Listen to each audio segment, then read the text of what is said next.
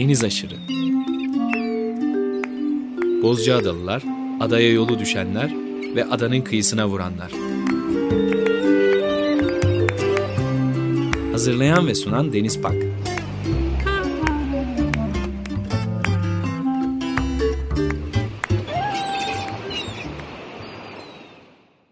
95.0 Açık Radyo'da yeni bir Aşırı Deniz programından herkese merhaba. Deniz Anlatemiz'le birlikteyiz. Deniz merhaba. Merhaba Deniz. Bir Aşırı Deniz daha yapıyoruz. Çok seviyoruz aşırı denizi. Hem deniz seviyoruz hem aşırı deniz çok seviyoruz. Özledik 2024'ün ilk aşırı denizi olması bakımından önemli bir aşırı deniz. Geçtiğimiz yılı yad etmek hem de kucakladığımız yılı nasıl güreşeceğiz. Daha sonra kündeye nasıl getireceğiz, o mu bizi getirecek falan gibi şeylerin de konuşulacağı bir aşırı deniz olacak. 2023'ü de bir değerlendirelim değil mi? Tabii ki. Aşırı deniz gözüyle. Aşırı deniz gözüyle değerlendirelim. evet. Dünyayı olduğu gibi değil, olduğumuz gibi gördüğümüz bir yılı daha geçirmiş olduk. Evet yani bu böyle bir gelecek yılların müjdesi mi? Yani hani şey olarak e, çılgın atma bakımından ele alacak olursak. Ya da yani hani bundan sonra daha mı toparlayacak bunu göreceğiz. Birazcık o manada değişik bir yıldı. Sert başladı. Ortaya karışık gitti. Aramızdan çok ayrılanlar oldu. Değil mi? Korkunç bir evet. deprem oldu. Aramızdan ayrılamayanlar da oldu bir yandan. Ayrılsak da beraberiz dediğimiz türden evet. durumlar da var. Geçen gün televizyon izlerken bunu sert bir şekilde hissettim. Çünkü her kanalda aynı şey vardı. Ee, bir gösteride dolayısıyla gittiğim bir yerde otelde kalırken ben normalde evde televizyon yayını yok. Böyle yerlerde işte annemlere gittiğimde falan hep izliyorum. Ee, ve tam aday açıklanan zamandı. Bütün kanallar bazılarında ses mono sağ sol gibi pan yapabiliyor. O yüzden kanal bazıları da bir 5 saniye önceden 5 saniye sonradan gidiyor. İnsan kanal değiştirerek bir DJ'lik yapabiliyor yani. Sadece logoları değiştirseler daha kolay olurmuş gibi hissettirdi. Neredeyse aynı içerikle. Evet, zap yapınca logoyu değiştirebildiğim bir şey olsa istediğin logoyla aynı içeriği izlesen daha iyi hissedersin gibi düşündüm. Evet, ben e, şeyden çok mutlu oluyorum. Herkes adayım demeye başladı. Biz böyle Hı. ada adalılar olarak evet. adayız diyen insanları e, sevmeye başlıyoruz insan. Tabii ister istemez. Ki. Çünkü e, herkes bir anlamda ada olmaya başlamış oldu. Evet. Aday adayı demiyorlar tabii. Aday oluyor direkt çoğu çünkü. Evet ben de adayım evet, diyor mesela. Tabii. Ben aday olmaktan çok korktum. Bir tane Ataşehir Belediyesi de bir gösteri yapmamı istediler. Ben de tamam olur dedim. Ee, sonra görüşmek için buluşabilir miyiz dediler. Daha buluşmadık. Adaylık teklif edecekler diye çok korkuyorum. Evet. Sen de ada olma ihtimalini kaçırdın. Aynen. Ada, adalılıkta kaldın yani. Evet ve Ataşehir adayı olabiliyorum bulursam yani. En ada aday ben olmam ama yüksek ihtimalle böyle bir yancılardan yüzü gülecek Ataşehir'in falan gibi bir şey varsa bilemiyorum. Ada parsel bazında yani bir adaylık olabiliyor. O da olabilir. Küçük aday olabilirim. Küçük adayım. küçük ada küçük adalılık diye bir ayrım var mı acaba bilmiyorum. Hani tek başımıza yani, oturuyoruz diye. Bizim ada yine hani bütün adalar göz önüne alındığında küçük ada denilebilecek bir ada aslında Bozcaada. Tabii şu anda maksimum 500 kişi falan e, yaşıyor adada. Kışın Tabii. o kadar kimse yok ki bayağı Kuzey Avrupa gibi yani. Evet kışın çok set gibi olduğunu hatırlıyorum. Dekor gibi olduğunu yani. Sadece senin aydınlattığın bir dünyaymış gibi olduğunu. Bunu çok hissediyorsun. Etrafı da hele göremediğin fırtınalı, burnunu dışarı çıkartamadığın havalarda, yağışlı, fırtınalı havalarda direkt hissedilen şey tam bu anlattığın gibi. Ben o burnunu dışarı çıkaramamayı neredeyse bizim Bozcaada'da öğrendim. Yani bunu söyledikleri zaman ilk rüzgarla alakalı abartıldığını düşünmüştüm ben rüzgarı seven bir insan olarak. Sonra tabii ki onun neye denk geldiğini anlayınca hakikaten burnunu dışarı çıkaramıyorsun çünkü. Böyle bir sersem etme modeli yok adamızın. Çılgın uçuyor. Yakınlarda e, fırtına vardı. Evet karda ben yoktum. Çok az yağmış bu arada. Ha, azıcık atmış yani. Evet hafif bir beyazlık olan yerler olmuş. Kuzeye bakan yerler. Güneyde tabii yok. Evet küresel ısınmadan en az bolca adamız etkileniyor galiba. Hiç katılmıyorum bu görüşüne. Gerçekte kar yağmamıştı mesela o yüzden yağmıyordu yani. Vardı kar ama hmm. herhalde suni taşımışlar yılbaşı için. Nasıl oluyor? Nereden taşıyorlar yani karı? Hiçbir fikrim yok. Yani o kar mı onu da bilmiyorum taşıdıkları. Hmm. Yani böyle bir hani buz makinesi gibi, kar makinesi gibi bir şey mi var? Yoksa biz mesela bir tane reklam için bir lastik firmasının işte karda lastiğini göstermek için suni kar kullanacaktık. Onun için bu hijyenik pedlerde ya da işte e, çocuk bezlerinde emici olarak kullanılan bir malzeme var. O malzemeyi kullanıyorsun karmış gibi yaptığında. Onun hatta tane iridiğini falan seçebiliyorsun. Hmm. Ama tabii o görsel olan bir şey. E, böyle bir şeyde kaymasını sağlıyor mu onu bilmiyorum onu nasıl yapıyorlar ama bir tane pisti karla doldurmayı başarmışlar yılbaşında insanlar kayabilsin diye. Ve de yakın gelecekte de tamamen suni karla dönebileceği düşünülüyormuş. Bütün bu sistemin böylelikle belki dağ tepelerinde yazın da kayak yapılabiliyor olacak.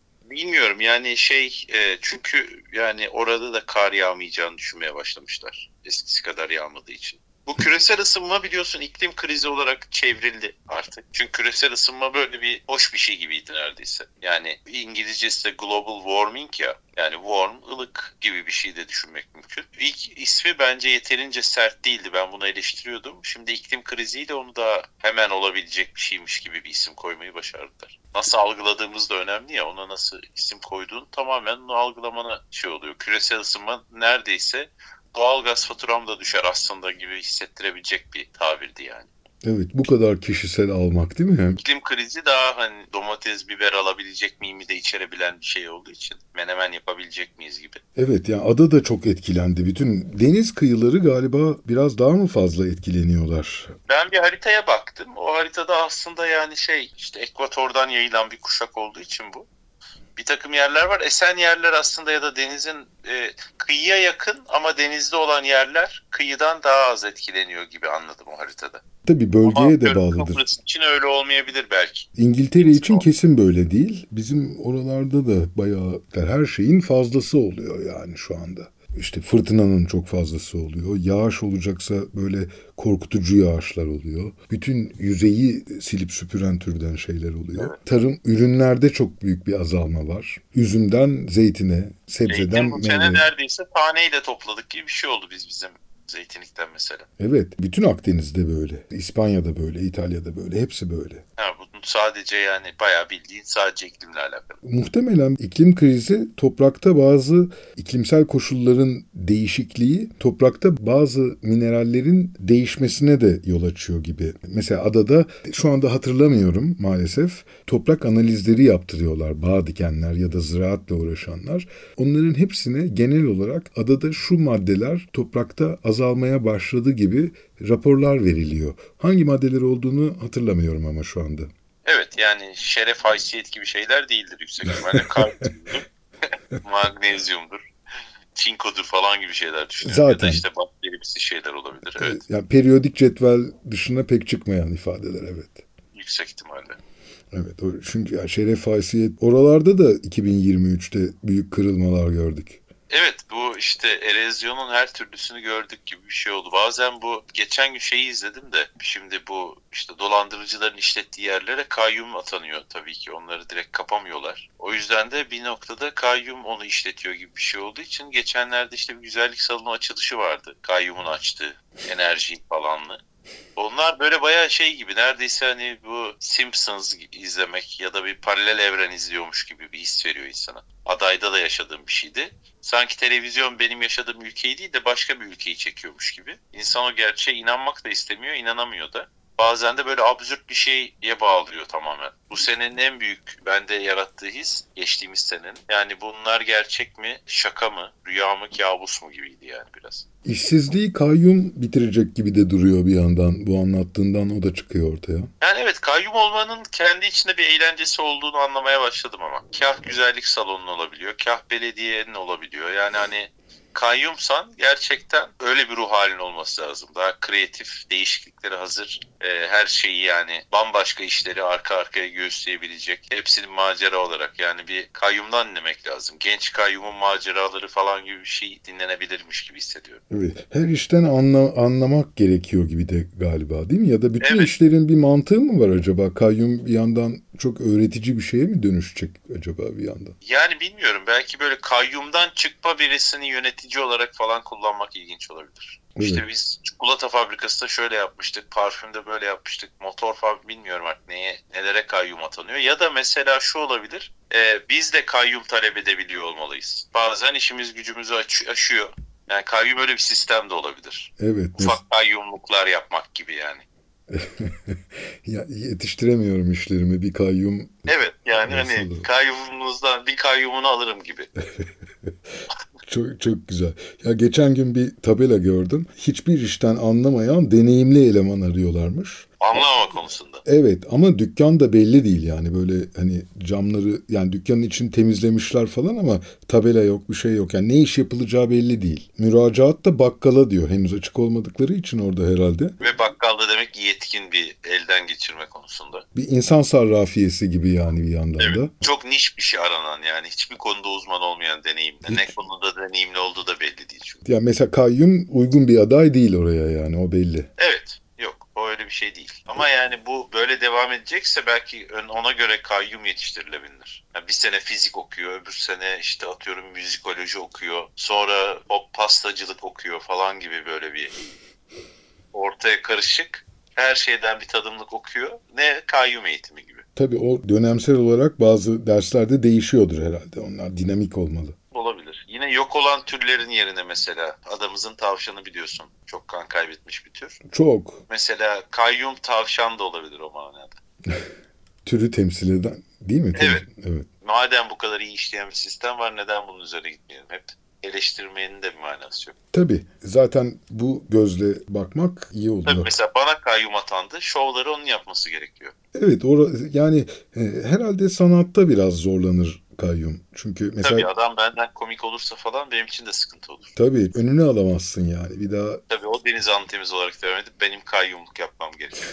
öyle bir şeye hazır mısın peki? Yani şu an hazır değilim. Biraz daha büyüteyim. Henüz kayyumluk bir yere getiremedim yani. Yoksa çok isterim tabii ki.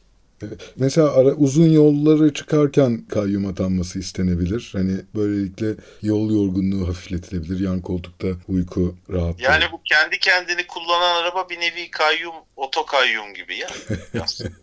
Otonomik kayyum. evet yani hani onu direkt kayyuma aldım ben gibi kullanmak mümkün bu elektrikli arabalarda falan. Belki ya da hani bizim kendi yaptığımız elektrikli arabada onu daha iyi Türkçe'ye çevirmek adına da kullanılabilir. Otopilot çünkü mesela pilot bizde bazen sıfat olarak kullanıldığında bir araç kullanabilecek birini ifade etmez ya. Otopilotun öyle bir korkutuculuğu var yani. Nasıl küresel ısınmanın korkutuculuğu yoksa otopilot da senin yerine pilot olmuş birisi gibi de anlaşılabilecek bir kelime. Evet. E, fakat yani ben o otopilota bir kere daha konuştuk galiba bu konuyu. Hiç güvenmiyorum. Bir yapay zeka temizlik robotu Hı hı. bozuluyor ve böyle bir girişi var temizlemesi gereken mekana ve orayı nasıl perişan ettiğiyle ilgili bir videoydu. Hadi ya. Hakikaten altında inanılmaz yorumlar vardı ve çok yani zor durumda kalırsın. Hani böyle evi robot temizliyor, yapay zeka ile çalışıyor falan diye anlatıp eve döndüğün noktada evi savaş alanı gibi bulmuş olmak ve o aletin kendini durduramayacağı bir bozuklukta çılgınca evde kopması herhalde yani sana bile zarar verebilecek düzeyde olabilir. Otopilot da herhalde geri dönüşü olmayan arızalara yol açabilir diye düşünüyorum. Yani otopilot olacağına ben beni lafa tutsa mesela daha iyi olabilir yani. Hani oto yoldaş gibi bir şey olsa. Nur Yoldaş Hatta gibi. otopilot ya mesela sen kullanırken otopilot uyuyor. O kadar iyi kullanıyorsun ki huzurla uyuyor mesela. Hmm. Bu da olabilir. Bu konuda bir telif kurumu Amerika'da yapay zekanın ürettiği sanat eserlerine red vermiş. Onlar eser değildir demiş. Yani muhtemelen bunlar eser olduğunda mı otopilot falan çok güvenli olacak acaba? Ya ya da o zaman güvenli olmayacak. Çünkü onun eser olabilmesi için o yapayın işte duygulanması, bir şeylere sinirlenmesi, bozulması falan gerekecek. O zaman da sana da takabilir yani. Yani sanat eseri olarak değerlendirilmesi şu anda çok güç. Birkaç işte class action diyorlar Amerika'da.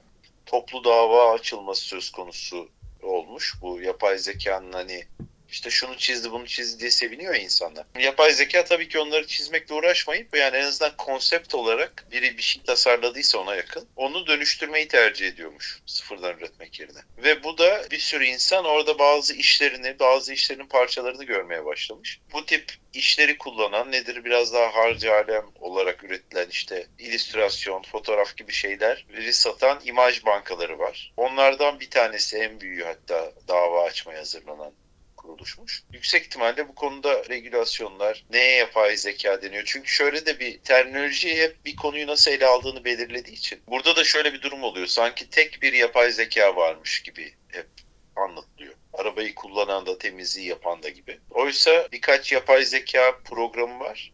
Ama bunlar aslında büyük dil programı içinde bir şeyler. Yani bizim konuşarak bunları kontrol etmemizi sağlayan şeyler. Ee, özellikle bir tekil bir yapay zeka aslında yok. Hepsinin kullandığı bir teknoloji olarak var. Başka seviyelerde var şey gibi bestenin çalınmasını belli bir mezürle değil mi? Bir mezür mü denk gelmesi gerekiyordu? Evet yani Hı. şey e, 8'di galiba yanlış hatırlamıyorsam. 8 nota değil mi? E, 8 nota mıydı? 4 mezür müydü?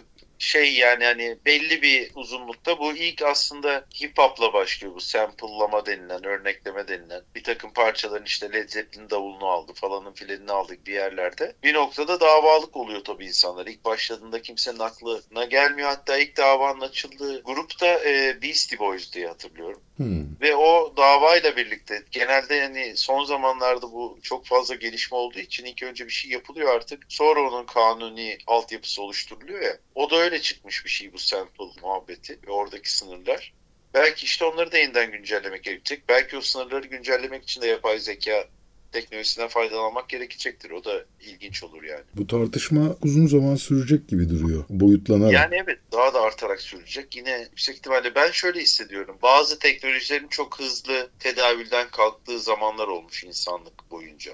Mesela at arabalarından normal arabalara geçiş çok hızlı olmuş. Ve at arabalarından önce şehirde şey daha doğrusu normal arabalardan önce şehirde at arabaları olduğu için o atların o atlarla ilgilenen insanlar işte nalbantlar, sokakların at kullanımına açık olmasından dolayı oluşabilecek ayağındaki çamuru silmek için olan kapının önündeki demirden tut da bütün bunlar mesela çok hızlı yok olmuşlar ve şehir de buna göre hemen kendini tasarlamış. Ahır olan yerler başka bir şeye dönüşmüş o demirciler yok olmuşlar gibi ve bütün onun yan sektörleriyle birlikte ama bu at durumunda mesela insanlar bunu çok aramamışlar uzun süre. Ee, yani hemen hızlı adapte olmuşlar. Elektrikte de böyle olmuş. Elektriğin yani ampullerin gelmesi ve o belki balina yağı yakılan gaz lambalarının balina yağının bir işte enerji kaynağı olarak e, tedavülden kalkması gibi. Biraz içinde yaşadığımız çağda belki yine bir e, yüzyıl başı olduğu içindir ya da zaman diyeyim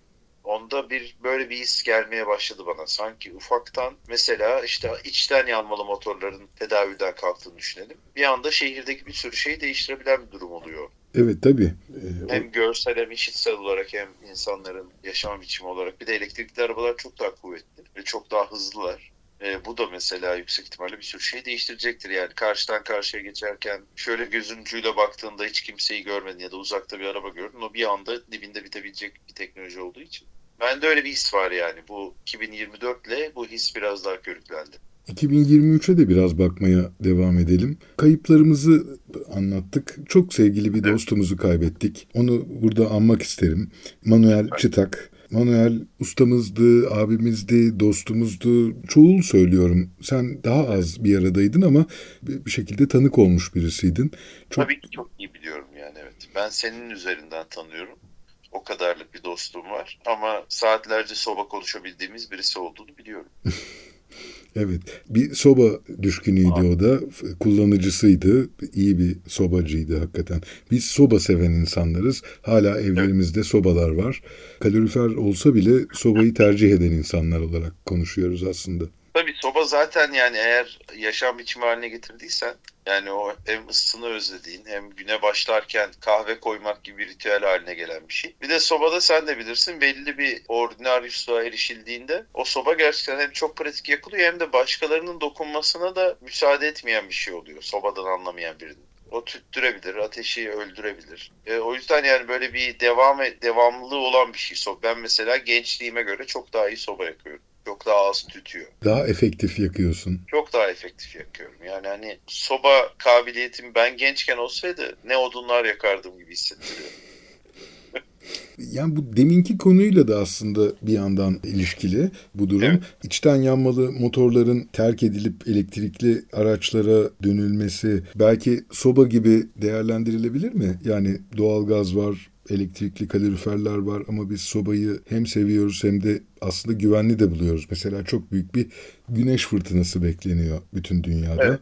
Yani İngiltere vatandaşlarına telsiz alın dedi. Solar maksimum dediğimiz şey mi bu? Solar maksimum mu diyorlar buna bilmiyorum ama güneşte... Solar maksimum minimum var ama o fırtınayla alakalı değil galiba. Güneşin e, döngüsüyle alakalıymış yani kimyasal bu bazen daha e, daha da sıcak olmasıyla yani. Bunun da belki küresel ısınmaya bir etkisi olabilir.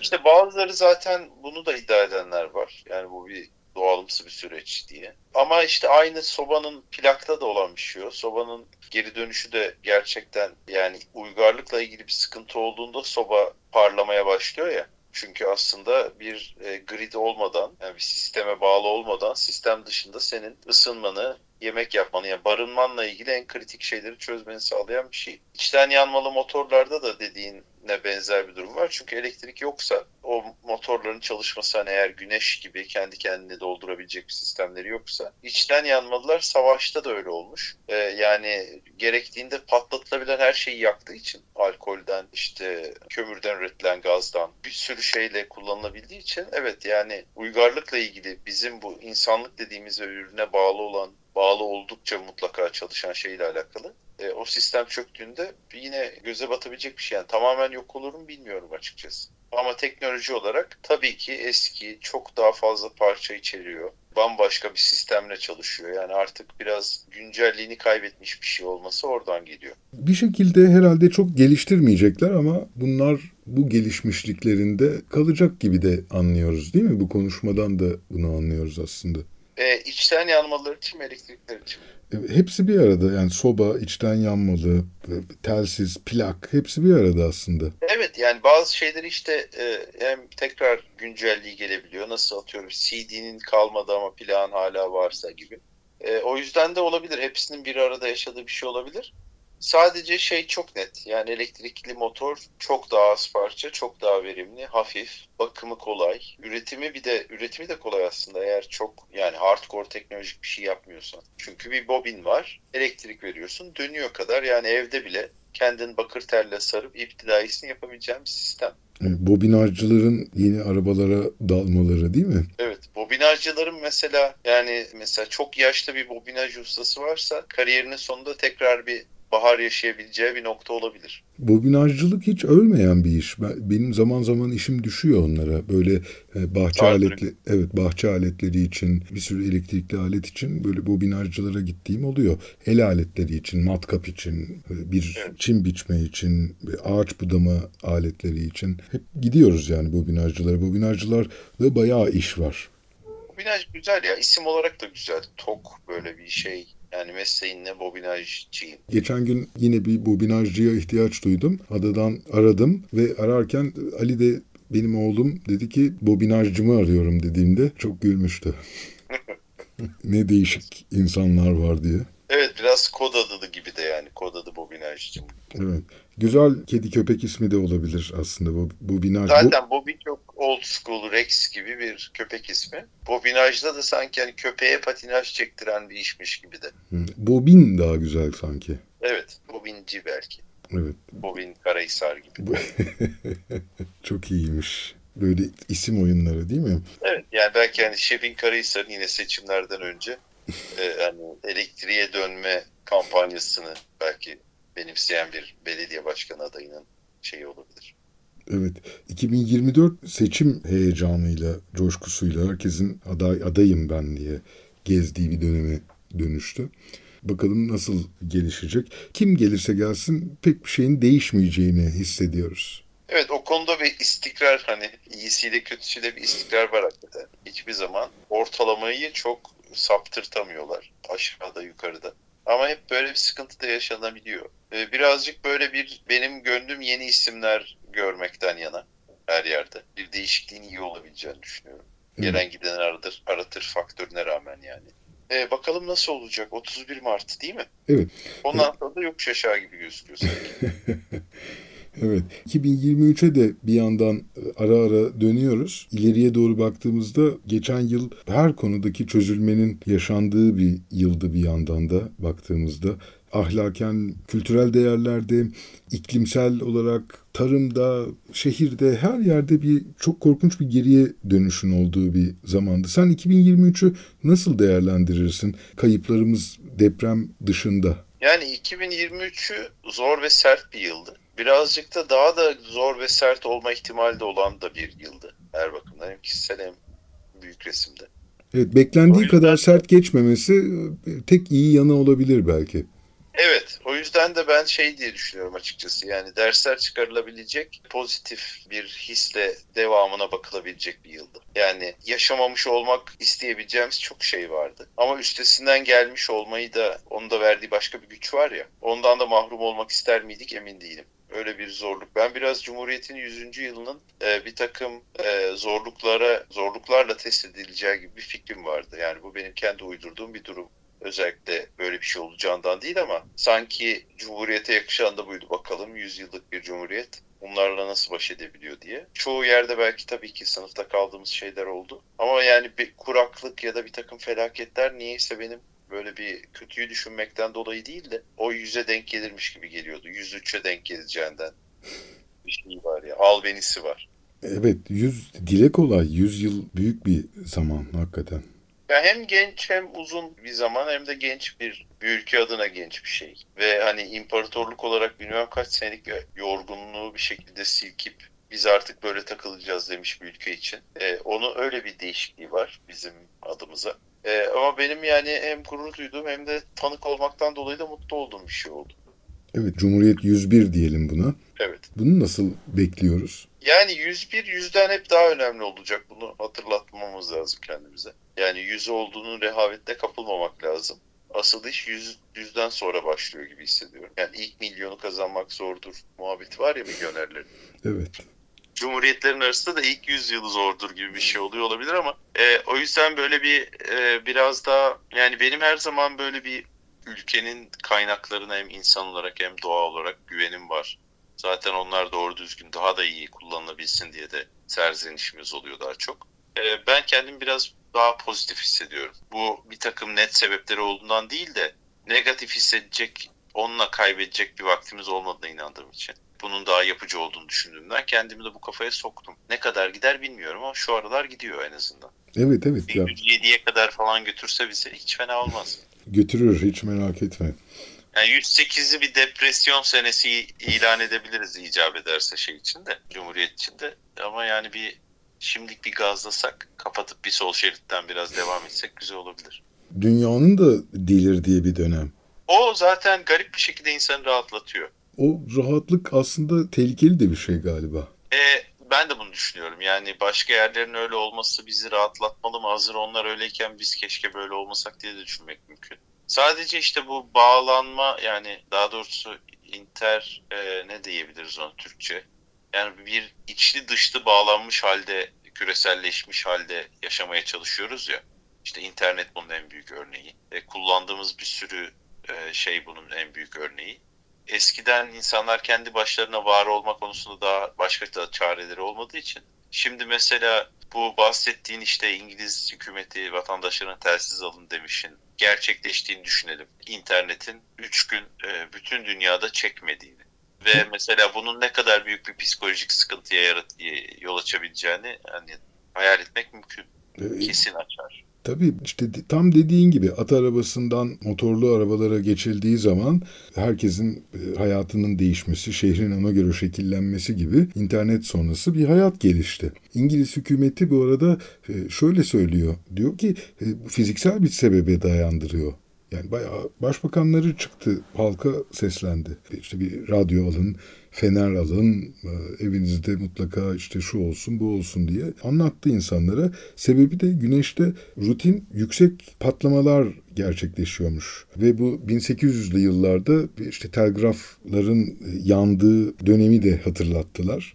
Şimdi çok daha fazla elektronik alet, elektrik sistemi olduğu için bundan çok daha yüksek oranda etkileneceğiz gibi bir endişeye kapılmışlar ve bunun 2-3 ay içerisinde gerçek olacağını öngörerek bu konuşmayı yapıyorlar. E, Amerikan seçimleri de galiba bizim yerel seçimlere senkron gidiyor. Evet değil mi başkanlık seçimi? Onlar Eylül'de mi yapıyorlar yoksa e, yine Yani Mart? da bu sene de ne zaman olacağını bilmiyorum. Sanki yani güneş ne zaman kopuyorsa hepsi aynı zaman oluyormuştur gibi hissettirdi bana bakmadan. Hiç şu anda atıyorum. Hmm. Ama şaşırmam yani hani internet yandı, yerel seçimler bitti. Başkan işte Bruce Springsteen oldu falan olursa. Evet, Keşke olsa bu arada. Evet. En iyi adaymış hakikaten. Bir anda aklıma geldi. Trump gibi gözüküyor Amerika'mızda da. Evet. En olabilecek en tehlikeli insanlar peydah oldular değil mi? Bütün devletlerin başına. Evet yani bir o konuda bir göz açtırmıyor hiçbir hükümet. Arjantin'de de değişik bir arkadaşımız var. Böyle bir yani bu ekiple mi girmeliydik bu zamana bilmiyorum ama sanki böyle bir çivisi çıkacaksa da bu ekip doğru bir ekipmiş gibi geliyor. Ben sana daha önce de söyledim. Artık bu beklentinin bitmesi ne oluyorsa olsuna geçilmesi bana daha iyi geliyor. Dibi görmek istiyoruz diyorsun. Bir an önce Yani görelim ki. görmek de değilse de bu e, belli ki bunu çöze bunu tamir ederek içinden çıkabileceğimiz bir şey yok. Ve bildiğimiz anlamda da sosyal yapılar, inandığımız dinamikler, yani bu inancın da olabilir, güvendiğin bir yapı da olabilir, sigortan, devletin e, de olabilir, aile kurumu olabilir. Bunların hepsi bildiğimiz bütün sistemlerin hepsi sorgulandığı için ve bir kısmı da zaten teknolojik şeylerle çökeceğinden zaten bu olacak belli ki o olana kadar olan süre biraz daha hızlı geçerse e, ben hala bir işe yarıyorken belki bir faydam dokunur diye düşünüyorum. Böyle çünkü sadece oldu olacak geliyor gelmekte olan gibi yaşanması hoşuma gitmiyor. Evet o zaman değil mi hep bir şeye engel oluyormuş Evet. gibi oluyor. Yani ben soba yatırımının daha önceden kendini hissettirmesini isterim açıkçası. Evet. Biz o, yani soba yatırımlarını karşılığını almış insanlarız. Yani bir kere e, Evet keyif olarak, sağlık olarak almış durumdayız. Bir survival şeyinde almadık evet.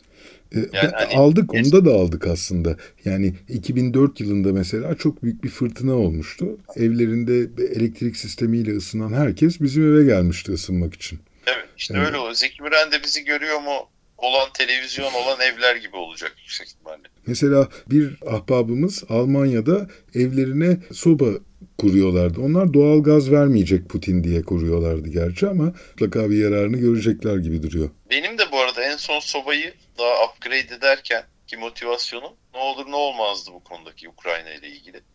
Çünkü komedyen bir başkan seçtiler biliyorsun. Evet. Ben de komedyenleri bilen bir insan olarak sıkıntı olabileceğini düşünmüştüm.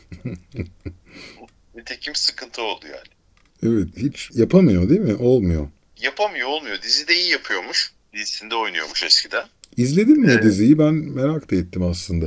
Ya izlemedim. Ben en son Emret Başbakanımı izlemiştim bu BBC'deki. Ama o çok iyiydi. O bayağı iyiydi. O ama aynı zamanda o adam başbakan olmaya çalışmaması bakımından da iyiydi. Gerçi bilmiyorum İngiltere'nin de o konuda çok şansı yaver gitmemiş olabilir. Öyle düşünmek mümkün. Özellikle son senelerde. Onlar çünkü gömlek değiştirir gibi başbakan değiştirdikleri bir yakın bir süreç oldu. Evet evet. Şimdi Hintli bir başbakanları var galiba. Evet asıllı diyelim yani hani bir Hintlinin ha- hayal etmekte güçlük çekebileceği bir zenginliğe sahip bir adam galiba iş adamı. Yani artık hani belli bir seviyeye geldikten sonra senin kökeninin de önemli olmadığı bir yer oluyor anladığım kadarıyla. E, Hindistan'da böyle çok küçük bir oranda çok bu aşırılıkta insanlar var. Evet bu adam ben de o kadar iyi bilmemekle birlikte ama çok yani yine biraz daha böyle iş çevrelerine yakın diye düşünülen bir adamdı. Ama tabii değişik yani söyleseler inanır mıydık Thatcher varken inanmazdık herhalde. Tabii. Değil mi? Ne kadar hızlı, baş döndüren bir hızda e, değişti. Yani evet şimdi mesela bu bizde de olabilecek mi ileride nasıl mesela Icardi Galatasaray'da oynuyor, Fred Fenerbahçe'de oynuyor ya. Hı hı. Yani neden biz İtalya bu konuda da yabancı oyuncu hakkımızı kullanabilecek miyiz? Mesela her şey Türk partiler falan. Teknik direktör hani Sepp Piontek gelmesi gibi. Evet. Hem Cumhurbaşkanı direkt yabancı bir Cumhurbaşkanı beğendiğimiz ya da öyle bir şey belediye başkanında. İstanbul'a New York'un belediye başkanını getiriyorsan bir vizyoner bir hareketmiş gibi de tınlıyor. Evet ama bu mikro milliyetçilikler, milliyetçiliğin çok yükseldiği dönemlerde herhalde bu gibi ihtimaller biraz zayıf. İçimizdeki yabancılar gibi anlıyorum biraz Hindistan'daki Yok şey. ya belki Vargas gibi bir şey olabilir yani hani sonradan Türk vatandaşı yapıp ona O- göre de bir isim. Evet o olabilir. O da şey böyle bir yöneticilik yapmak için ya bir kariyer hareketi gibi yani. Evet yani sımacı uluslararası şeyde basan, arenada basan gibi. Bu kesin bir faydası olur. E, tabii. Çünkü motorlu millet şey motorla çok iyi gazlayan milletvekilimiz var. Neden böyle bir Marvel gibi bir bakanlar kurulu olmasın yani? Rüyamızı bunlar süslüyor diyorsun. Evet. Yani süper kahramana ihtiyacımız olan noktalara geldik. Belki o filmlerde bu kadar tutuyor. Ondan bu sebeple tutuyorlar. Ama artık yani hani orman yangında uçak alması değil gerçekten uçarak onu söndürmesi çok daha hepimizin rahatlatır. Gerekirse bunu yapabilecek tinette birisi olması yani. Belki evet. genetik bu işe yarayabilir. Bilemiyorum. Evet yani bütün vay dediğin e, hayretle baktığın tüm filmler gerçek oluyor neredeyse. Evet işte o çok saçma. Gerçekten saçma yani. İnsan buna alışmalı mı alışmamalı mı? Orada hep bir kafa yanıyor. Ya da bu bizim bu tereddütümüzün yarattığı baloncukta mı yaşıyor bütün bu dolandırıcılar bilmemler yani uğraştığımız ve sistemin e, bir nevi şeylerini bulmuş. Bug diyeceğim ama yani böyle bozuk olan kısımlarını çözüp onların içinde yuvalanmış gibi de insanlar çok var ya. Evet, her, her yerde bir Gargamel var. Evet. Çok enteresan gerçekten. Ve hiç prim vermediğim filmler gerçek oluyor. O da çok ilginç aslında. En kötüyü seçmekle ilgili çok sıkı bir sabıkası var insanlığın. Yani e, komplo teorisi olarak yaftalanan çoğu şey gerçek çıkınca bu sefer bütün komplo teorileri de acaba kaçı içinde gerçek barındırıyor gibi insanların tekrar ziyaret ettiği bir şey oldu. İşte bu Epstein ilk başta hiç kimsenin inanmadığı bir komplo teorisiydi. Herkes yok canım dedi yani değil mi? Tabii. Yıllarca yok canım ya yok artık dendi. Sonra şimdi hani en en güvendiğimiz isimler bile o listede kendini göstermeye başlayınca bu tip bir sürü şey yani burada belki dillendirmenin bir manası yok. Sadece aslında şüphenin ne kadar yaşatılması gereken bir kavram olduğuyla alakalı bence bir fikir veriyor bu. Yani şüphe her şeyden şüphe etmeye devam etmemiz gerekiyor tam gaz. Yani bir şeye kanan insanların çokluğu onun gerçekliğini sağlamıyor ya. Şu anda öyle bir sistemde yaşıyoruz. Birileri bir şeye kandığı için onu gerçek kabul etmemiz gerekiyor gibi oluyor kanmayanların da. Ve bu da böyle bir senin kendi bir anlayışın, bir çözmen, bir şeyin var. Yıllar içinde geliştirdiğin, yemediğin, yutmadığın küller var yani. Ama bütün dünya onu yutmaya karar verirse sen de Almanlarla birlikte kaybetmiş sayıldığın için bu aslında daha çok böyle bir işte kişisel bağımsızlığımız belki daha büyük ülkesel bağımsızlığımız yani bireyden başlayıp onun dahil olduğu sistemlerin hepsinin bağımsızlığının şey altında, kuşatma altında olduğu bir durum. Evet, adalet duygusunun da çok zedelendiği, belki hakikaten bıngıldağının oynaması gibi ayırt edememe haline bürünmesini sağlıyor belki insanlığın. Bu Evet, adalet yok gibi şey zaten hani şey e, yani yoka çok yakın. Allah düşürmesin gibi yaklaştığım bir kavram oluyor daha çok. Evet. Galiba teknoloji bunu sağlıyor. Yani işte kamera kayıtları, ses kayıtları, arama kayıtları, transferler, eskiden evrakların olduğu dönemde bu kadar evrağı toplamak imkansız gibiydi. Tabii. Ee, Aramak, okumak da imkansız gibiydi. Tabii bu bunları değerlendirmek de öyleydi. Belki tarih boyunca böyle hikayelerde olduğu ortaya çıkacak. Belki yeni tarihçilik böyle bir şeye mi dönüşecek acaba? Evet bilmiyorum. Bu senaryo yani uydurma olabilecek senaryoların da gerçek olma ihtimali bu kadar çok artınca sanki insanlar bazı şeyleri keşfetmek yerine bir takım senaryolar akıtıp bu ne kadar gerçeğe yakın olabilir diye düşünmeye başlıyorlar. Bununla ilgili bir 11 Eylül'den sonra böyle şeyler yapıldığını duymuştum. Yani e, hakikaten senaryo yazarlarını toplayıp sizce ne olur onlara düşündürttü. Onun üzerinden hakikaten bu olabilir mi demek. Evet yani insanlığın bu kadar geliştiği bir dönemde hala sokak kavgası gibi ülkelerin birbirlerine savaşlar açması çılgınca geliyor. Yani oysa medeniyeti tanımlarken artık Cape Town'dan geçmiyoruz, Kızıldeniz'den geçiyoruz dediğimiz noktada şimdi tekrar Cape Town'a geri dönmüş olmak aynı elektrikli ısıtıcılardan sobaya dönmek gibi bir yandan da. Evet ve belki hakikaten aslında dünya yani biz yaşadığımız çağ iletişim çağı olarak da nitelendiriliyor çok ve bu iletişimin iyi olduğu, eskiden olmadığı kadar iyi olduğu ön yargısı üzerinden düşünülen bir şey ya. Halbuki yani bir insanların birbirine ulaşması demek belki de iyi iletişim kurabilmesi anlamına gelmiyor her zaman. Yani çünkü yine gözünün önünde savaş oluyor. Senin onu görmen ve ne yapıyorsunuz demen o savaşı engellemiyor. Belki İki Dünya Savaşı'da da böyleydi yani internet olmamasına rağmen insanlar nelerin dönüp bittiğini az çok yine biliyorlardı. Bilebilecek durumda olanlar. Ve yine bir şey yapamıyorlardı benim vermeye çalıştığım karar biz buna okey miyiz? Bunu kabul edecek miyiz? Yoksa bir ideal uğruna hala uğraşıyor muyuz? Yani hani bir gün dünyada hiç savaş olmayacak mı? Yoksa hep savaş olacak mı ve biz buna mı alışmalıyız? Ben buralarda birazcık hala bir tereddüt yaşıyorum. Evet sebepsiz horozlanmalar da var çünkü. Sebepsizi var. O sebebi kimin yarattığı bu rıza e, üretmek diye bir şey var. E, kavram. Ben bunu dümdüz çevirdim de. Ve bu ilk Irak Savaşı ile birlikte çıkmış bir şey. Yani hani orada işte kitle imha silahları vardı dendi. O bir yalandı. Ama o e, yalan bu konuda bir rızanın oluşmasını sağladı. Buna dönük bir şeymiş gibi oluyor. O yüzden hani hiç yoktan da olabiliyor savaş. Ya da gerçekten birileri onu çıkarmak için çok ciddi uğraştığı ve detaylı bir irade gösterdikleri için de olabiliyor. Ve sonucu hep, hep ekonomik gibi de aslında. Yani bir şekilde ekonomiye dayanıyor. Sınıflara dayanıyor, ekonomiye dayanıyor dediğin doğru. Kaynak kullanımına dayanıyor. Kaynakların bol olduğu yerlere dayanıyor. O konuda da mesela yine dünyamızı korkutabilecek çünkü bu kaynaklar e, tükendikçe ya da yeni kaynak yöntemleri e, edinme yöntemleri bulundukça işte fracking denilen bu kaya gazı denilen işte kayanın e, yer altına su basarak çıkarılan gaz ve onun çevreye olan çok olumsuz etkisi. Şimdi de derin denizlerde maden aramak üzerine bir girişim var. Çünkü sen daha iyi bilirsin belki denizlerin kendi ürettiği mineraller de var. Ve bunlar da e, deniz yüzeyinde toplanan şeyler. Ama şimdiye kadar bunları kimse toplamayı akıl etmemiş. O yüzden de toplandığı zaman neye yol açacağı konusunda da tereddütler var. Ve şu anda Avrupa Birliği'nde de işte bir sürü ülke, özellikle Kuzey Avrupa ülkeleri e, bu konuda lisanslanıp çalışmalar yapmaya başlamak üzereler diye bir şeyler okudum geçen gün. Bu da aynı şekilde dediğin hani bir nevi belki yani bir süre sonra işte petrol yüzünden değil de denizin dibindeki taş yüzünden de aynı sıkıntıyı yaşayabiliriz. Yeni o değil mi Kolombların denizlerde cirit attığı işte Magellanların evet. o dönemdeki gibi şimdi de bir maden e, ciriti oynanacak gibi duruyor bir yandan. Biraz akıl etmemişler değil de teknik imkanlar da müsaade etmemiş herhalde. Ya bazı şeyleri keşfedememişler. Yani bazı taşların aslında e, işte belli elementlerin sıkışmasıyla bilmemsiyle oluşan bir şey olduğunu. Ve aynı zamanda dediğin gibi toplama.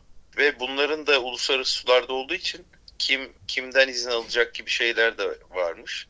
Buna bakan uluslararası bir kuruluş kurmuşlar ve bütün ülkelerinde bir hakkı varmış ve hakkını satabiliyorsun istersen kullanamıyorsan. Ve bu hakkı da işte bir sürü ülke olduğu için o ülkelerin haklarını satın alarak başlamışlar ilk. Yani madeni toplamak için gereken şeye. Ee, ben de böyle bir şey izledim oradan edindiğim bilgiler. Bence uzay uzay bu konuda daha iyiymiş gibi geliyor bana. Evet uzayı yakın ulaşılabilir uzayı diyelim e, anladıklarından daha az anladıkları konuşuluyor denizleri. Denizin evet, dibindeki. Denizleri daha az bildikleri konuşuluyor. Evet e, yani ben de hani deniz biyolojisi eğitimi almış birisi olarak bunu e, hep konuşulur okulda, üniversitede de konuşulur. Yani evet uzay neredeyse biz de seneye sert ineceğimiz için hani şurası olmaya başladı.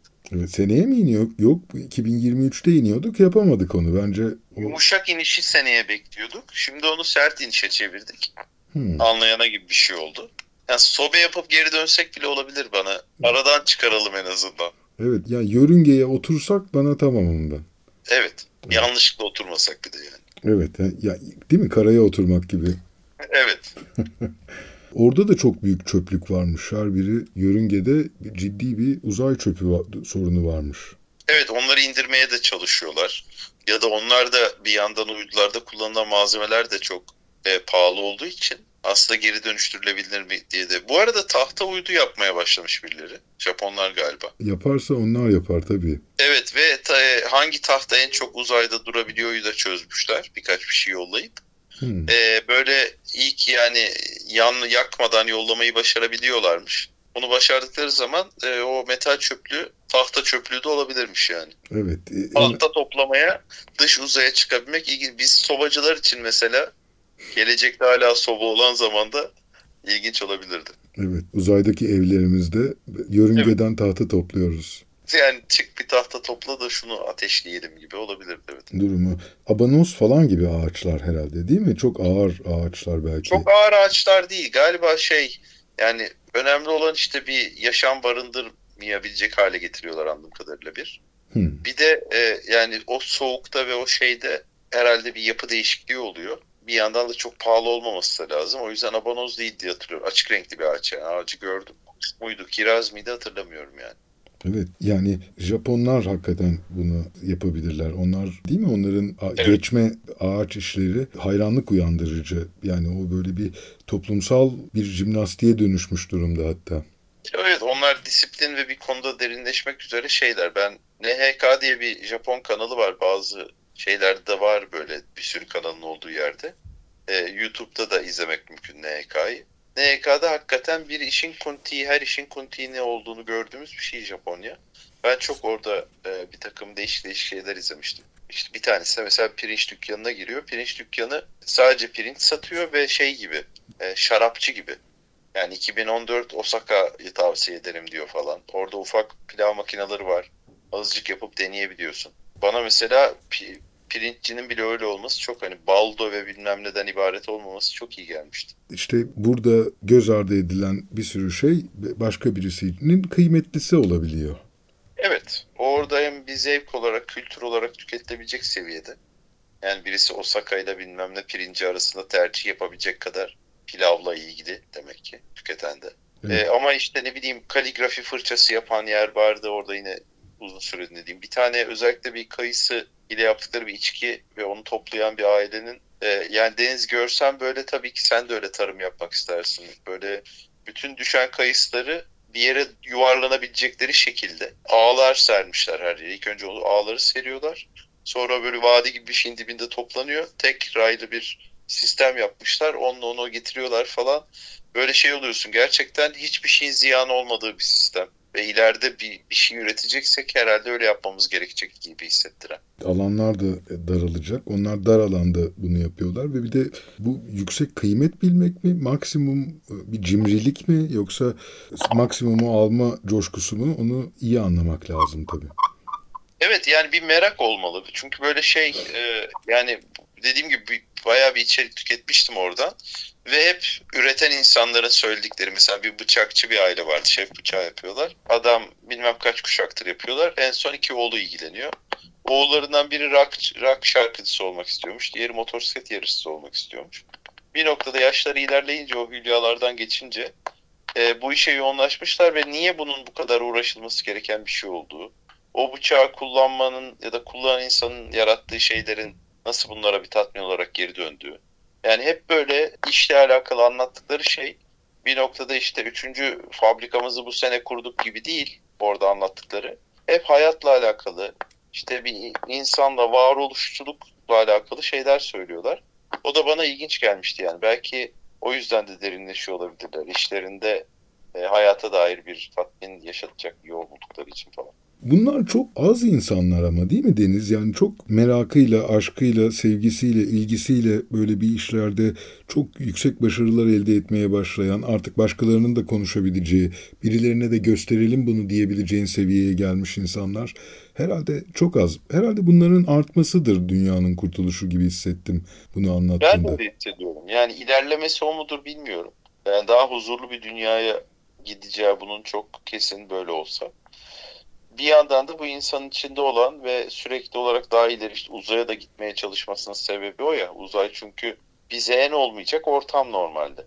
Yani ne fizyolojik olarak yer çekimi olmayınca bile e, sadece onun olmamasıyla uğraşmak, onun vücutta yarattığı negatif etkinin üzerine uğraşmak için de bir zaman harcaman gerekiyor uzayda. Ama ona rağmen gitmeye çalışıyoruz ya. E tabii. O yüzden bu iki enerji birbirini ya da iki yaklaşım birbirini bazen yani tetikleyen şeyler mi? Bambaşka şeyler mi? Ben de bilmiyorum. Eğer hepimiz böyle yaptığımız işi daha iyi, iyi yapmakla uğraşsak belki o zaman yine de birileri uzaya çıkar mıydı mesela?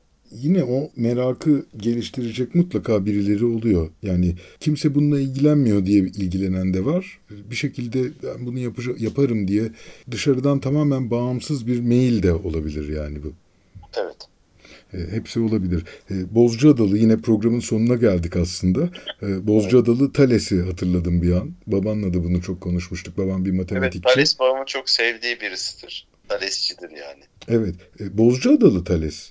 Evet çok ilginç. Yani, yani aslında çok ilginç. O zaman bizim oralar Bozcaada, Asos bilmem ne zaten Troya'ya Küçük İstanbul deniyormuş. Yani oralar belli ki bir odakmış. O yüzden de böyle insanların da çıkmış olması o manada şaşırtıcı değil ama Bozcaadalı olması bizzat evet e, aynı toprakları paylaşmış olmak, aynı havayı solmuş olmak ilginç. Bana da iyi geliyor hep. Evet. Aynı zamanda uzay araştırmacısı Thales. Yani bütün yani gökyüzüne kafayı takmış, yıldızların tüm açılarını bugün hani astroloğum diye ben gezen 100 kişinin 99'undan iyidir muhtemelen. Tabii Thales'le aynı çağda yaşasaydık kesin birileri Thales'e benim burcumu ne olur Thales bana anlat falan diyenler çıkabilirdi. Evet. E, 2024'ü Thales'le konuşmak çok iyi olabilirmiş hakikaten. Evet. evet. Yükseleni şu olacak Cumhuriyetimizin ay burcu boğa falan. Öyle de olabilir Thales. Beklenmedik bir şekilde burçları iyi anlatabilirdi bize yani. Evet. Ben Thales'in pek burç anlattığını sanmıyorum ama yani e, bütün gökyüzü hareketini gel giti. Yani bir manitacılık varsa kesin bir yerlerde senin bu enerjiden kurtulman lazım falan gibi şeyler sıkmıştır diye düşünüyorum. evet. Thales demezsin diyorsun yani. evet yani Thales de sonuçta bir insansa bir noktada ihtiyacı olmuş olabilir.